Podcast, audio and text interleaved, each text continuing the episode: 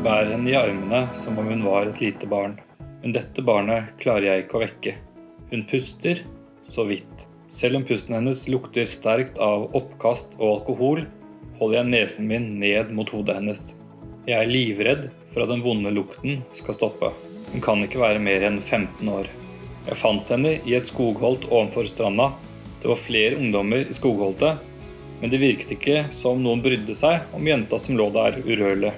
Først da jeg prøvde å få henne tilbake til bevissthet, ble de andre ungdommene oppmerksomme på henne. Men istedenfor å hjelpe, forsøkte de å dra meg og kollegaen min bort fra jenta. De ville vi skulle la henne være. Hun var jo bare full. Da jeg så blålysene fra ambulansen, løftet jeg henne opp og begynte å bære henne ut av skogen og ned til veien. Kollegaen min må holde fulle ungdommer unna, så jeg kan komme meg fram. Fremme ved ambulansen står en båre klar. Jeg legger henne forsiktig ned, og ambulansepersonalet tar over. Jeg fikk aldri vite hvordan det gikk med jenta. Jeg vet ikke engang hva hun het, men jeg vil aldri glemme henne. Du hører på Foreldretips, en podkast om hvordan navigere din tenåring trygt gjennom ungdomstiden. Dette er jo noe vi alle er livredde at skal skje med vår egen ungdom. Det at ungdommen drikker seg så full at han blir bevisstløs og sovner under et tre. Jeg har flere ganger vært borti ungdom som er så fulle at de ikke kan ta vare på seg selv. Og når de da ligger ute, og det er kaldt, så kan dette være direkte livsfarlig. I denne episoden vil jeg snakke litt om hvordan vi kan prøve å unngå at ungdommen skal bli så fulle at de skal drikke så mye. Mange vil nok tenke at uh, ungdommen skal ikke drikke i det hele tatt, og det er jeg selvfølgelig enig i. Men om vi skal være litt realistiske, så kommer ungdommen til å komme borti situasjoner i løpet av ungdomstiden hvor det er alkohol. Og Det er da viktig at vi har lagt et godt grunnlag, slik at ungdommen drikker minst mulig, Eh, helst ikke noe, men eh, målet er nok minst mulig.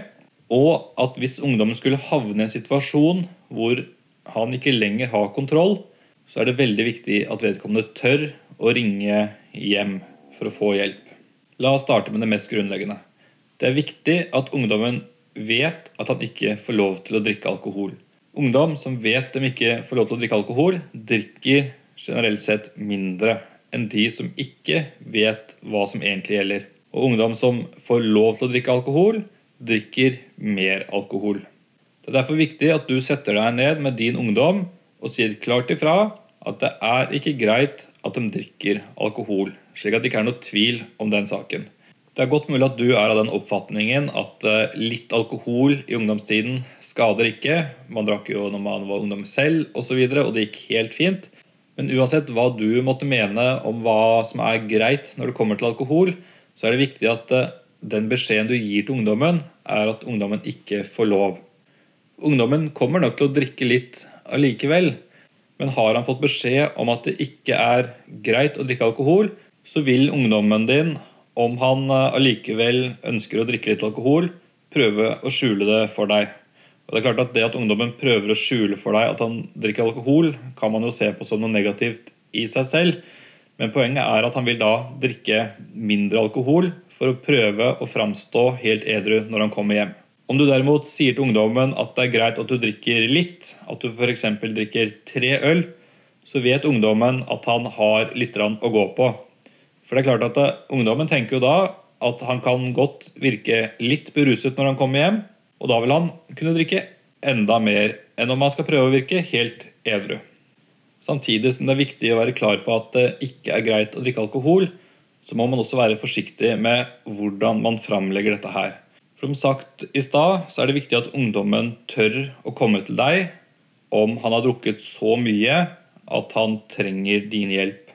Vi ønsker jo at om ungdommen har drukket så mye at han har blitt dritings og ikke klarer å ta vare på seg selv, så ønsker vi at han skal ta og ringe hjem, slik at dere kan komme og redde han.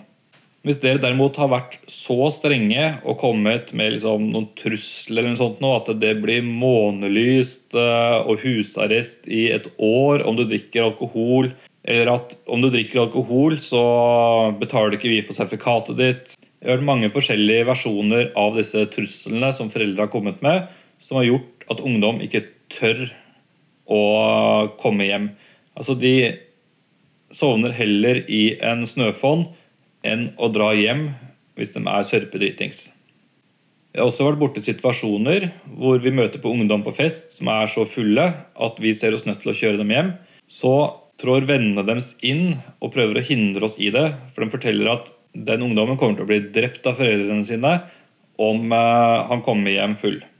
Og det er klart Når vennene reagerer på den måten, så lurer jeg på to ting. Det ene er hva er det ungdommen selv har fortalt til vennene sine? Og nummer to, hva er det foreldrene har sagt til ungdommen sin? som gjør at de er så redde for å komme hjem full. Og De gangene vi da har møtt på ungdom som har vært så nervøse for å dra hjem når de er fulle, så har vi alltid tatt oss tid til en prat med foreldrene når vi kommer hjem. For Vi er litt nysgjerrige da på hvorfor er ungdommen så livredd for eh, foreldrene sine når han er full. Og Jeg har jo da aldri møtt på foreldre hvor ungdommen faktisk har en reell grunn til å være livredd. Men det mange foreldre har fortalt til meg, er at de har kommet med ganske klare beskjeder om hva som vil skje om de drikker seg fulle. Og det har vært diverse trusler om husarrest. Det har vært trusler om uh, vold, uh, hvor foreldrene bedyrer at de selvfølgelig aldri ville finne på å slå barna sine. Det har vært straffer som en uke uten mobiltelefon. Det har vært straffer som husarrest en uke. Det har vært trusler om at ungdommen aldri vil få lov til å gå på fest igjen.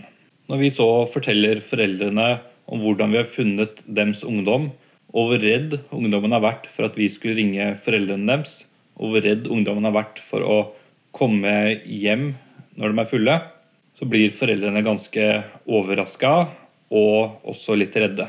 Da skjønner de gjerne at det har vært feil å komme med alvorlige trusler om hva som vil skje om ungdommen kommer full hjem. Jeg kan ta et eksempel som jeg husker veldig godt. Det hadde vært en stor fest oppe i en skog ved et, eh, ved et vann. og Der fant jeg en eh, jente som lå nede ved vannkanten og spøy. Hun var eh, forsovet ved bevissthet, men hun sleit med å reise seg opp for egen maskin. Så spurte jeg henne om hun hadde ringt foreldrene sine for å få hjelp. Og Da var hun helt klar på at nei, det kunne hun ikke gjøre fordi foreldrene var så strenge, og hun virket oppriktig redd for hva foreldrene kunne finne på om de så henne så full. Denne jenta var 15 år gammel og kom fra et ganske normalt hjem. Jeg spurte henne om hvordan hun hadde tenkt til å komme seg hjem om hun ikke skulle ringe foreldrene sine. Hun sa at hun trodde vennene hennes skulle passe på henne og få henne hjem. Men som vi da kunne fortelle henne, at det var ingen venner i nærheten. Det var ingen der som passet på henne. Da hun skjønte dette, så sa hun noe som virkelig skremte meg. Hun sa at da ville hun prøve å finne en bil å haike med. Altså Hun ville heller sitte på dritings med noen vilt fremmede enn å ringe foreldrene sine. Når jeg fortalte det til foreldrene hennes, så ble de skikkelig skremt. Og de lovte meg at dagen etterpå så skulle de prate ordentlig med datteren sin og fortelle henne at uansett hvor full hun var, så kunne hun alltid ringe hjem. Disse foreldrene hadde jo trodd at disse truslene de kom med, bare skulle skremme datteren deres fra å drikke alkohol. Ok, For å oppsummere litt, så er det viktig at man er klar på at det ikke er greit å drikke alkohol. Samtidig så er det viktig at man ikke kommer med noen alvorlige trusler om hva som vil skje om ungdommen drikker alkohol, slik at ungdommen blir redd for å ringe hjem om de har problemer. Dette er en vanskelig balansegang, og mange foreldre har spurt meg om hva de skal si til ungdommen sin, og hvordan de skal formulere seg. Jeg pleier å anbefale å si til ungdommen at det er ikke greit at du drikker alkohol før du er 18 år. Om du allikevel skulle havne i en situasjon hvor du har drukket alkohol og fått problemer, eller blitt så full at du ikke klarer å ta vare på deg selv, så kan du alltid ringe hjem til oss, og vi skal komme og hjelpe deg. Vi vil nok bli sure og skuffa om du har drukket deg full, men det aller viktigste er at du kommer trygt hjem. Vi vil alltid være her for deg, og vi vil alltid rykke ut for å hjelpe deg om du har problemer. Denne samtalen burde man ha flere ganger med ungdommen sin opp gjennom årene. Det holder ikke å ha den én gang og så regne med at ungdommen husker det.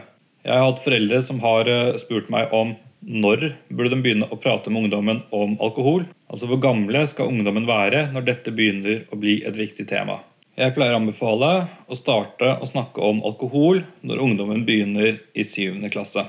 For erfaringen min er at det er i den aldersgruppen de første begynner å prøve ut alkohol. Heldigvis er det ikke så veldig mange av barna som eh, tester alkohol i 7. klasse, men det er like greit å være tidlig ute for sikkerhets skyld. Og så burde man gjenta budskapet flere ganger opp igjennom. Vi ser at juleball i 7. klasse og avslutningsfester etter 7. klasse er arenaer hvor mange av ungdommen prøver alkohol for første gang.